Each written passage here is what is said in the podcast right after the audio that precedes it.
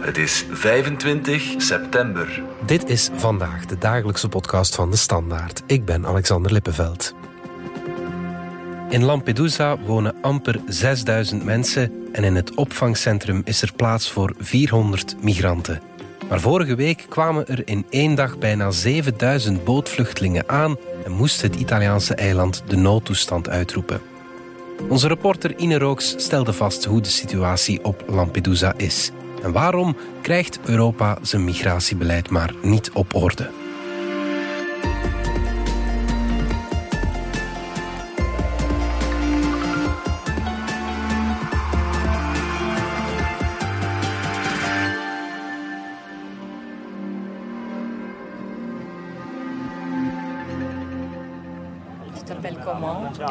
Mané. Je hoort onze collega Ine Rooks in gesprek met een man uit Guinea. Oui, bon, on a souffert ensemble, on a vécu beaucoup de choses. Bon, ils nous ont emprisonnés ensemble au Maroc, à Libye et à Tunisie ici aussi. Hij en zijn vrouw hebben veel geleden, zegt hij. Ze werden samen opgesloten. Bon, elle est enceinte. Ze verwachten een kindje. Son état, bon, deux mois. Son état de santé n'est pas normal, quoi. Donc c'est pourquoi je peux pas me En vorige week kwamen ze vanuit Tunesië met een bootje aan op Lampedusa. Parce que Vous arrivez à Lampedusa quand euh, le dimanche, le dim- Dimanche. hum, à 12h, on est bougé à Tunisie, 2h du matin. Bon, ils sont arrivés ici, nous sommes venus jusqu'au port ici. Coste. Zijn plan nu, werk vinden om een beter leven op te bouwen. Je suis un chauffeur de camion. Je vais travailler ici d'abord pour créer une meilleure vie entre moi et ma femme. Pour À la maison, c'était comment? C'était pas possible? Bon, c'était pas possible parce que j'ai perdu mes parents depuis que j'étais petit. Je n'ai pas fait l'école. Je faisais l'école coranique seulement. Donc, j'ai appris le français dans la rue. Quoi. Tu parlais très bien. Waar dat zal zijn, J'ai de le plan maintenant, c'est de rester en Italie ou partir Bon, Inch'Allah. Inch'Allah. inshallah, en zegt de man. Inch'Allah. Waar God het wil. Si je gagne beaucoup de possibilités ici, je vais rester ici. Ok. Bon voyage. Merci, madame. Ine Rooks, onze correspondente in Italië. Jij bent vorige week op het eh, eilandje Lampedusa geweest. Was het de eerste keer dat je er was? Ja, toch wel. Opvallend genoeg. Ik ben al eh, jaren met Italië en met migratie bezig. Maar eh, vooral op het grote eiland Sicilië ben ik al geregeld op reportage geweest, ook om migratiestukken te maken. En Sicilië ligt uiteraard ten zuiden van het Italiaanse schiereiland. En Lampedusa is een deel van de regio Sicilië, maar ligt nog op eh, bijna een uur vliegen ten zuiden van Sicilië. Ja.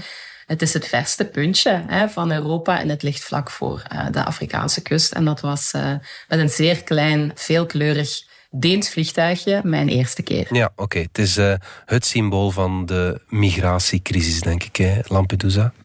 Absoluut. En ik was blij dat ik er was, omdat het soms om iets eh, visueel goed voor ogen te hebben, ehm, het, eh, het doet je ja, toch wel ineens een aantal dingen begrijpen die moeilijker uit te leggen zijn of te vatten zijn als je er niet bent geweest. We kenden allemaal al, al jaren natuurlijk die treffende beelden hè, van zoveel boten die daar arriveren. Maar het is ontzettend klein en deed me ook denken de voorbije dagen aan uh, één keer dat ik naar de, de oorlogsregio Darfur ben gevlogen in Soudaan. En wij vlogen naar Darfur met een vliegtuig en ik zag een stad liggen. En toen wij landden, zag ik dat dat allemaal geen huizen waren, maar tenten. En dat zien was voor mij toen Darfur veel beter begrijpen. Dat was gewoon een vluchtelingenkamp zo groot als een zeer grote stad. En dat zal ik nooit meer vergeten. Net zoals ik nu nooit meer zal vergeten hoe een kade eruit ziet waar vijf, zeshonderd mensen in rij zitten te wachten op uh, een boot die hen wegvoert van Lampedusa naar het volgende centrum. Dat is een blik, een, een beeld dat ik niet meer vergeet. Ja. Door er geweest te zijn. Ja, inderdaad. Je was er uh, de dag nadat er 7000 migranten aangekomen zijn op één dag tijd. Dat is voor een uh, klein eiland als Lampedusa heel veel, hè? Ja, ik was de hele week al op Sicilië, het grote eiland. En ik heb eigenlijk donderdag uh, een vlucht naar Lampedusa genomen. Mm -hmm. En, en ik ben toen, toen Paul uh, in het nieuws terechtgekomen. Toen was dat centrum nog uh, aan het pompen of verzuipen. Met bijna 7000 aankomsten. Wat ontzaglijk veel is voor een centrum dat, hou je vast, eigenlijk maar plek heeft voor 400. Ja. Lampedusa is ook een ontzettend klein eiland. Ter vergelijking, Alexander, daar wonen op en al 6000 mensen. Vissers en uitbaters van toeristische restaurantjes en hotels. Er zijn nu nog best wel veel binnen- en buitenlandse toeristen. Maar dus, ja, eh, vorige week slikte dat eilandje meer migranten op 24 uur tijd dan het inwoners telt. Ja. Dus dat, dat geeft wel aan hoe ontzettend druk het daar was voor de goede orde, die mensen bleven daar niet allemaal. Hè. Dus die zijn allemaal al uh, met overzetboten, met ferryboten naar Sicilië en elders in uh, Italië naar andere opvangcentra en hotspots gebracht. Maar uiteindelijk zitten daar nu toch nog wel altijd tegen de 2000 mensen. Mm. Dus die druk blijft heel groot. Ja. Je hebt dat opvangcentrum kunnen bezoeken ook. Hè. Um, hoe, hoe is de situatie daar? Ik ben wel op Sicilië in zo'n hotspot binnen ge, Mm. ge, geweest. Dus in het zuiden van Sicilië, in Pozzallo, in een gesloten hotspot. Maar op Lampedusa was dat totaal onmogelijk. Die aanvraag is zelfs nooit beantwoord. Mm. Dat gaat allemaal heel officieel. Maar ja, toen ik er dan aankwam, was het ook niet meer echt nodig om die hotspot absoluut binnen te proberen geraken, omdat zelfs de migranten er niet meer binnen geraakten. De hotspot was overspoeld, dus de migranten mochten uitzonderlijk buiten, omdat er anders geen houden meer aan was. Je kan niet 7000 man in een hek houden en in een centrum vasthouden uh, dat plaats heeft voor 400 man. Dus ze mochten uitzonderlijk door de noodsituatie naar buiten en naar binnen. Dus als ze naar buiten kwamen, zagen wij ook hoe het er van binnen aan toe ging. Omdat dat hek de hele tijd open en dicht was. En het was ook bovendien een doorschijnend hek. Dus ik zag eigenlijk een soort grote koer. Waar honderden mensen, ja, duizenden mensen in de rij stonden om te wachten op iets. Te wachten op eten, te wachten op drinken, te wachten op een registratie, te wachten op nieuws over hun status, over wanneer ze zouden worden overgebracht naar een ander centrum. Dus uh, ja, en ik heb daar ook wat, opnames van gemaakt waar je dat gewoezemoes en al die stemmen door elkaar hoort. En misschien geeft dat een indruk van hoeveel mensen daar samen waren op die koer. Het was uh, ontzettend indrukwekkend om te zien. De hele tijd reden de vrachtwagens, grote vrachtwagens van het Italiaanse Rode Kruis af en aan met materieel. Er werden buiten veldbadges opgezet uh, met daarop het logo van het ministerie van Binnenlandse Zaken. Dingen die je normaal ziet na rampen, aardbevingen, overstromingen. Uh, het was een komen en gaan van uh, mensen, van hulpverleners die met man en macht probeerden enigszins die situatie onder controle te houden. Ik zag Rode Kruis materieel uit Como, uit Lombardije, uit Noord-Italië, uit uh, Sicilië. Uh, het grote Sicilië dan, hè, dus niet Lampedusa, maar vanuit Palermo werden politieagenten ingevlogen. Die mensen vertelden mij dat ze dubbele shiften draaien om daar de orde te bewaren. Die deden aan crowd control, zoals je dat ook wel ziet op grote concerten. Dus door bijvoorbeeld groepen te verdelen. Door bijvoorbeeld de migranten die naar buiten mochten op een bepaald moment tegen te houden aan het einde van de straat en mondjesmaat maar mensen door te laten om te vermijden dat er paniek ontstaat. En, want als er paniek ontstaat of mensen uit frustratie of vermoeidheid uh, beginnen samen te roepen, dan kunnen ze beginnen dringen en drummen en elkaar uh, verdringen. Dat is levensgevaarlijk uiteraard. Zo, zo vallen er gewonden en zelfs doden. Hè. Ik vond dat de politie dat uh, ontzettend goed deed. Het was indrukwekkend om te zien. De laatste dag dat ik er was, uh, was ik uh, onder meer voor uh, deze podcast nog wat geluid gaan opnemen. Ik dacht, ik ga naar de begraafplaats, mm -hmm. waar ook migranten zijn begraven. En ik stootte zo op een ontzettend grote groep Afrikaanse migranten die in rij zaten te wachten op hun beurt om met de ferryboot te worden overgebracht naar een ander centrum. Dus dat is de manier waarop dan die hotspot van Lampedusa wordt ontlast. En daar stonden hoop en al tien politieagenten rondomheen die de orde moesten bewaren. En dan zie je die agenten die alleen maar roepen asseyez-vous, asseyez-vous, blijf zitten. Mm. Uh, ik dacht toen wel, ja, hoed je af. En ook hoed je af voor dat Rode Kruis. Die mensen zagen er uh, ontzettend vermoeid uit. Maar die bleven menselijk, bleven praten, uitleggen waarom er gebeurde wat er gebeurde. En uh, dat, dat weegt. Je ziet dat en je zag dat in een oogopslag, dat dat ontzettend veel fysiek en, en ook mentaal vraagt van iedereen die bij zo'n reddingsoperatie en opvang betrokken is. Ordendiensten en hulpverleners. En uiteraard niet uh, in de laatste plaats de migranten zelf. Ja, ja, ja, natuurlijk. Hoe weegt het op de inwoners van het eiland? Nu, dat is heel interessant om, uh, om als vraag en ook om te zien. Normaal natuurlijk, op andere momenten zien zij, krijgen zij daar weinig van mee. In de zin dat als dat centrum niet zo overvol zit, ja, dan blijven die migranten daar tot ze geregistreerd zijn, tot ze worden overgebracht. En dan heb je eigenlijk iets dat zich parallel afspeelt op dat vakantieeiland waar iedereen zijn gangetje gaat. Je ziet daar ook bijvoorbeeld reclames om naar, uh, om naar uh, schildpadden te gaan zoeken, om te gaan duiken. Uh, het is een vakantieparadijs mm. hè, waar mensen in golfkarretjes voorbij rijden. En nu krijg je dan al die Afrikanen die in dat centrum gaan eten zoeken wie geld heeft, gaat naar de supermarkt een broodje kopen, een fles water kopen, omdat dus dat Rode Kruis wel eten en drinken had, maar dat gewoon logistiek niet snel genoeg bestierd krijgt. Dus waren er mensen die uh, inderdaad zonder eten bleven en dan zelf eten gingen halen of zoeken in dat dorpje. En dan zie je dus die Afrikaanse migranten verdwaasd voorbij uh, gelateria's lopen, kijken naar toeristen die, die cappuccino zitten te drinken en vice versa. Je ziet daar echt uh, ontzettend uh, indrukwekkend twee werelden elkaar ontmoeten. Um, voor die Afrikanen is het ook een soort ontdekkingstocht, een avontuur. Een paar dagen verder zag ik Afrikanen Italiaanse ijsjes eten en daarvan genieten. dus je ziet die ontmoeting. Je ziet ook een ontzettende solidariteit bij de Lampedusanen, die toen ze begrepen hadden dat het Rode Kruis uh, dat niet uh, getrokken kreeg. Alleen die zijn gaan pasta en rijst kopen en couscous die zijn beginnen koken. Hmm. En aan de kerk stond een ontzettend lange rij van mensen die daar naar de alternatieve voedselbedeling gingen.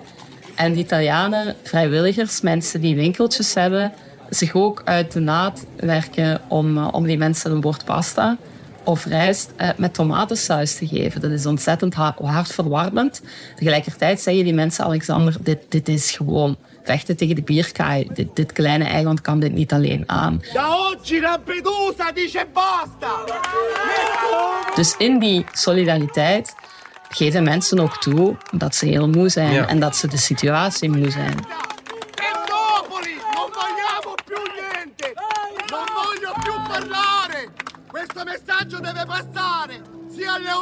Als ik je hoor zeggen dat Lampedusa in 24 uur tijd meer migranten heeft opgevangen dan het inwoners stelt, dan lijkt dat ja inderdaad vechten tegen de bierkaai. Hoe komt het dat die toestroom plots weer zo fors toeneemt? De reden waarom uh, deze mensen Afrika ontvluchten, dat is uh, uitzichtloze armoede, een uh, veelvoud aan conflicten, mm. staatsgrepen, oprukkend jihadisme we gaan er ook steeds meer rekening mee moeten houden dat daar klimaatvluchtelingen bij zijn. Dus er is een grote reden voor deze mensen om te vertrekken. Europa en Lampedusa ligt uh, zeer dicht bij de Afrikaanse kust. Dus dat is daarom, hè, die geografische ligging, dat maakt die aantrekkingskracht van Lampedusa zo groot.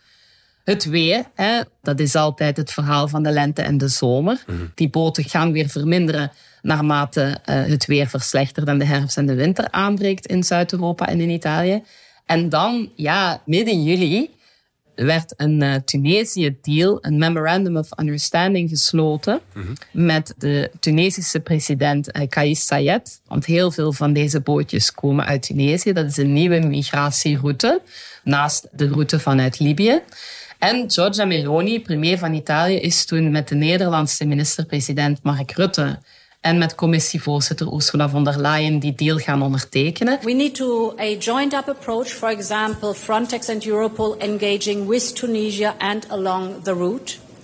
And our legislation on anti-smuggling needs an update. Maar die deal werkt dus duidelijk niet. Mm. Uh, we zien dus dat dat niet lukt, omdat uh, ja, ofwel Sayed die boten niet wil of niet kan tegenhouden. Daar zijn uh, velen nu nog niet uit.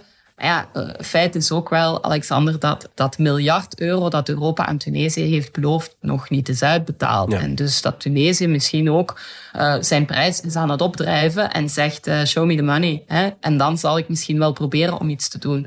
Heel veel vragen daar rond, maar de belangrijkste vaststelling is, die Tunesië-deal werkt van geen meter. Dat is het minste wat je kan, kan zeggen, mm twee maanden verder. Ja, inderdaad. Het is ook een heel omstreden deal, omdat die Sayed toch wel een ja, heel omstreden figuur is. Hè? Waarom, waarom sluiten we een deal met zo iemand?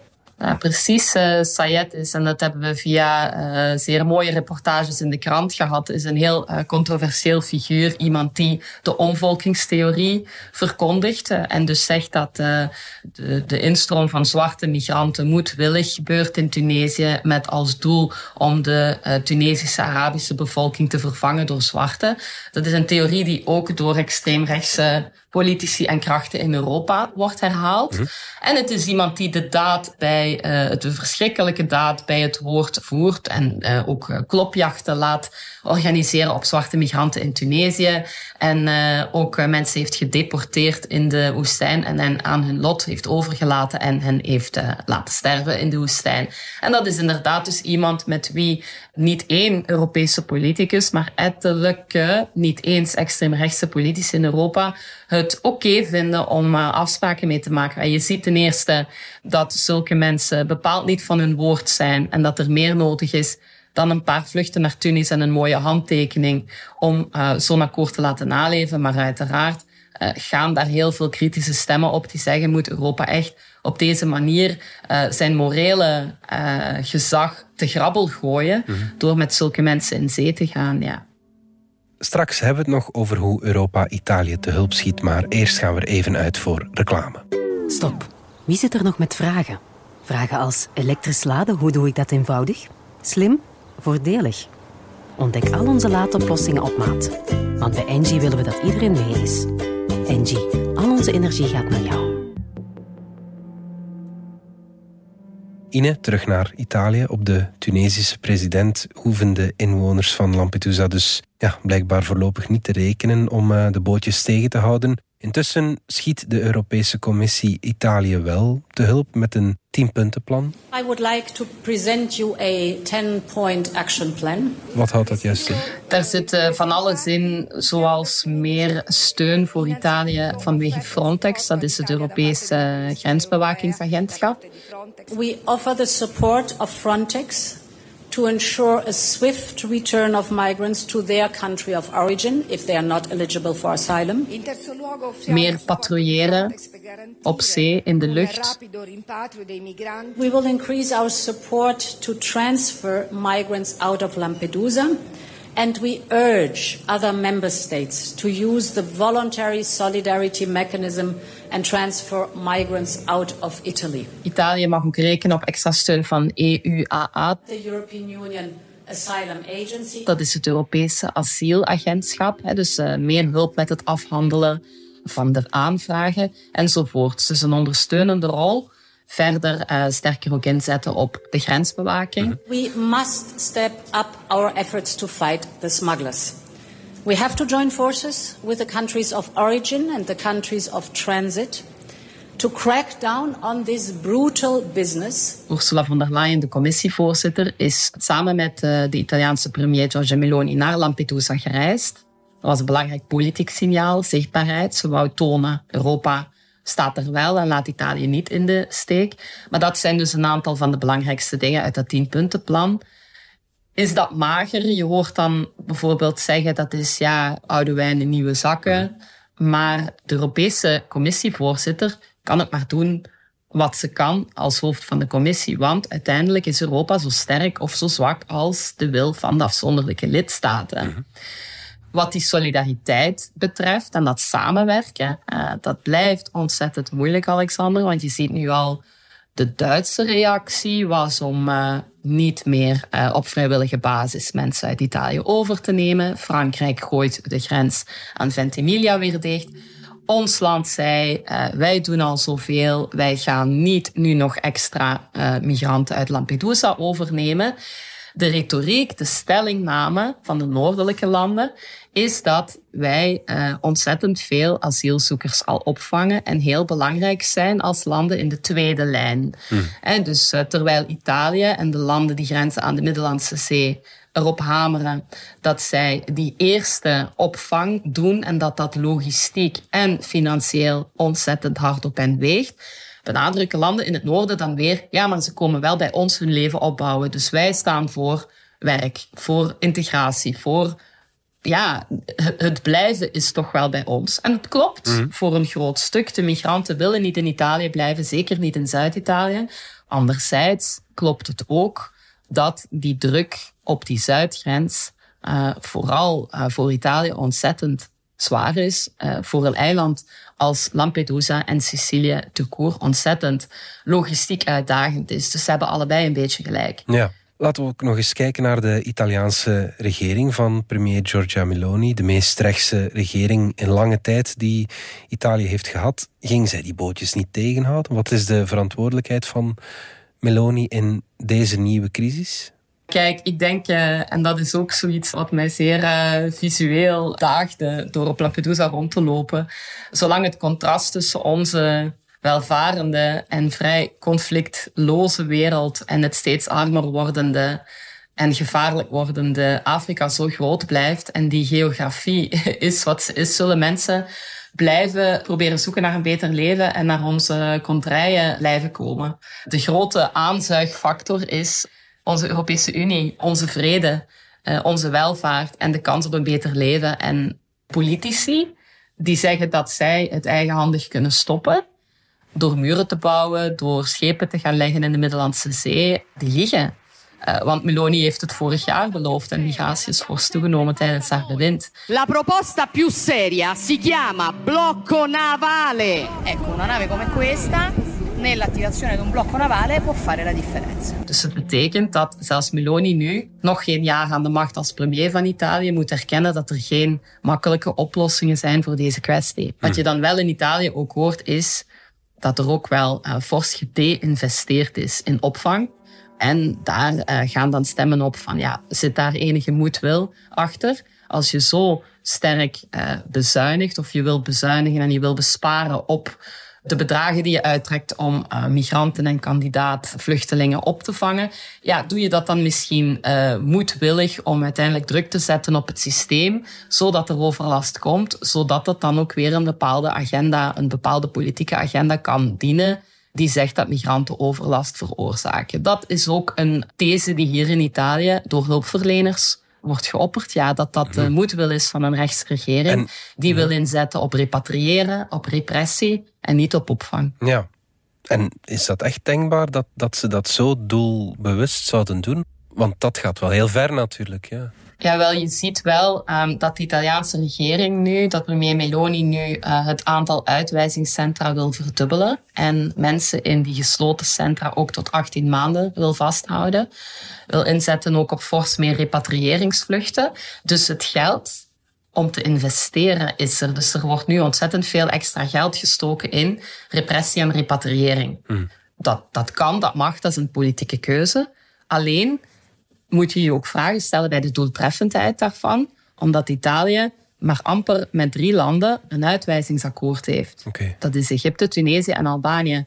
Dus je kan dan heel veel geld van de Italiaanse belastingbetaler gaan investeren in gesloten centra en in uh, repatriëringsvluchten, maar die, die worden nauwelijks uitgevoerd, omdat landen uh, die mensen ook moeten terugnemen. En het zijn heel weinig landen. Dat geld eh, investeren in repatriëring en repressie, waarbij je dus een twijfelachtig eindresultaat hebt, is een politieke keuze. En dat geld wordt natuurlijk niet twee keer uitgegeven. Het is ook een politieke keuze geweest, ook al bovendien voor Meloni premier werd, om minder geld uit te trekken per uh, migrant. Mm. Dat is geen geld dat die mensen paar in hun handen krijgen. Dat is geld dat uh, wordt, wordt opzij gezet voor hun opvang en voor hun eten in centra. Het is niet dat zij vroeger 35 euro cash kregen. Er werd wel 35 euro per asielzoeker besteed aan hun opvang en nu is dat maar 21. Hm. Dus hm. je krijgt veel meer druk. Die migranten worden uh, slechter opgevangen. Die gaan niet in die centra willen blijven. Die gaan op straat rondzwermen. Uh, mensen die uitgeprocedeerd zijn, komen ook op straat terecht. Dat creëert overlast in Italiaanse steden. Waarbij mensen gaan klagen over migranten en zeggen dat migranten vooral overlast veroorzaken. En dus die dingen hangen allemaal samen. Ja, ja. ja, Ik vrees, Ine, dat we hierover de laatste podcast nog niet uh, gemaakt hebben. Zullen we er ooit in slagen om illegale migratie op een ja, menswaardige manier aan te pakken? uh, ja, hoe lang hebben we nog? Nog een uur? ja. Uiteindelijk moet er werk worden gemaakt van dat migratiepact, waar we al zo lang over zijn aan het bakkeleien. Mm. Dat is ook iets wat, uh, wat absoluut volgend jaar, als België uh, Europees voorzitter is, een half jaar, op het bord komt van de Belgische regering. En op dat van onze staatssecretaris Asiel en Migratie, Nicole de Boer. -hmm. Dus het komt heel dichtbij bij ons. En um, ja, hier zijn asielzoekers bij, hier zijn kandidaat-vluchtelingen bij die bescherming verdienen volgens onze regelgeving, volgens onze wetten. We moeten toch uiteindelijk, en dat zeggen we nu al jaren, een manier vinden om asielzoekers niet eerst hun leven te laten wagen op zee om de Europese Unie te bereiken. Je zou dat kunnen doen door humanitaire corridors in te leggen en mensen elders al een asielaanvraag te laten indienen voordat ze die oversteek moeten wagen. Maar ja, dat is iets voor beleidsmakers en uh, daar zullen die nog even zoet mee zijn. Ja, dat denk ik ook.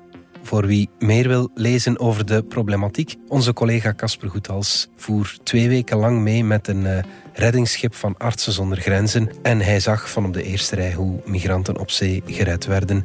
Je kan zijn reportages lezen op standaard.be. Gewoon zoeken op zijn naam Casper Goethals. Het zijn uh, heel goede stukken. Ine Rooks, dankjewel. Graag gedaan. Dit was vandaag de dagelijkse podcast van de Standaard. Bedankt voor het luisteren. Volg ons op Spotify, Apple Podcast of eender welk ander podcastplatform. Of download de vernieuwde app DS Podcast, waar je ons werk en de beste luistertips van onze redactie terugvindt. Alle credits van de podcast die je net hoorde vind je op standaard.be-podcast. Reageren kan via podcast.standaard.be.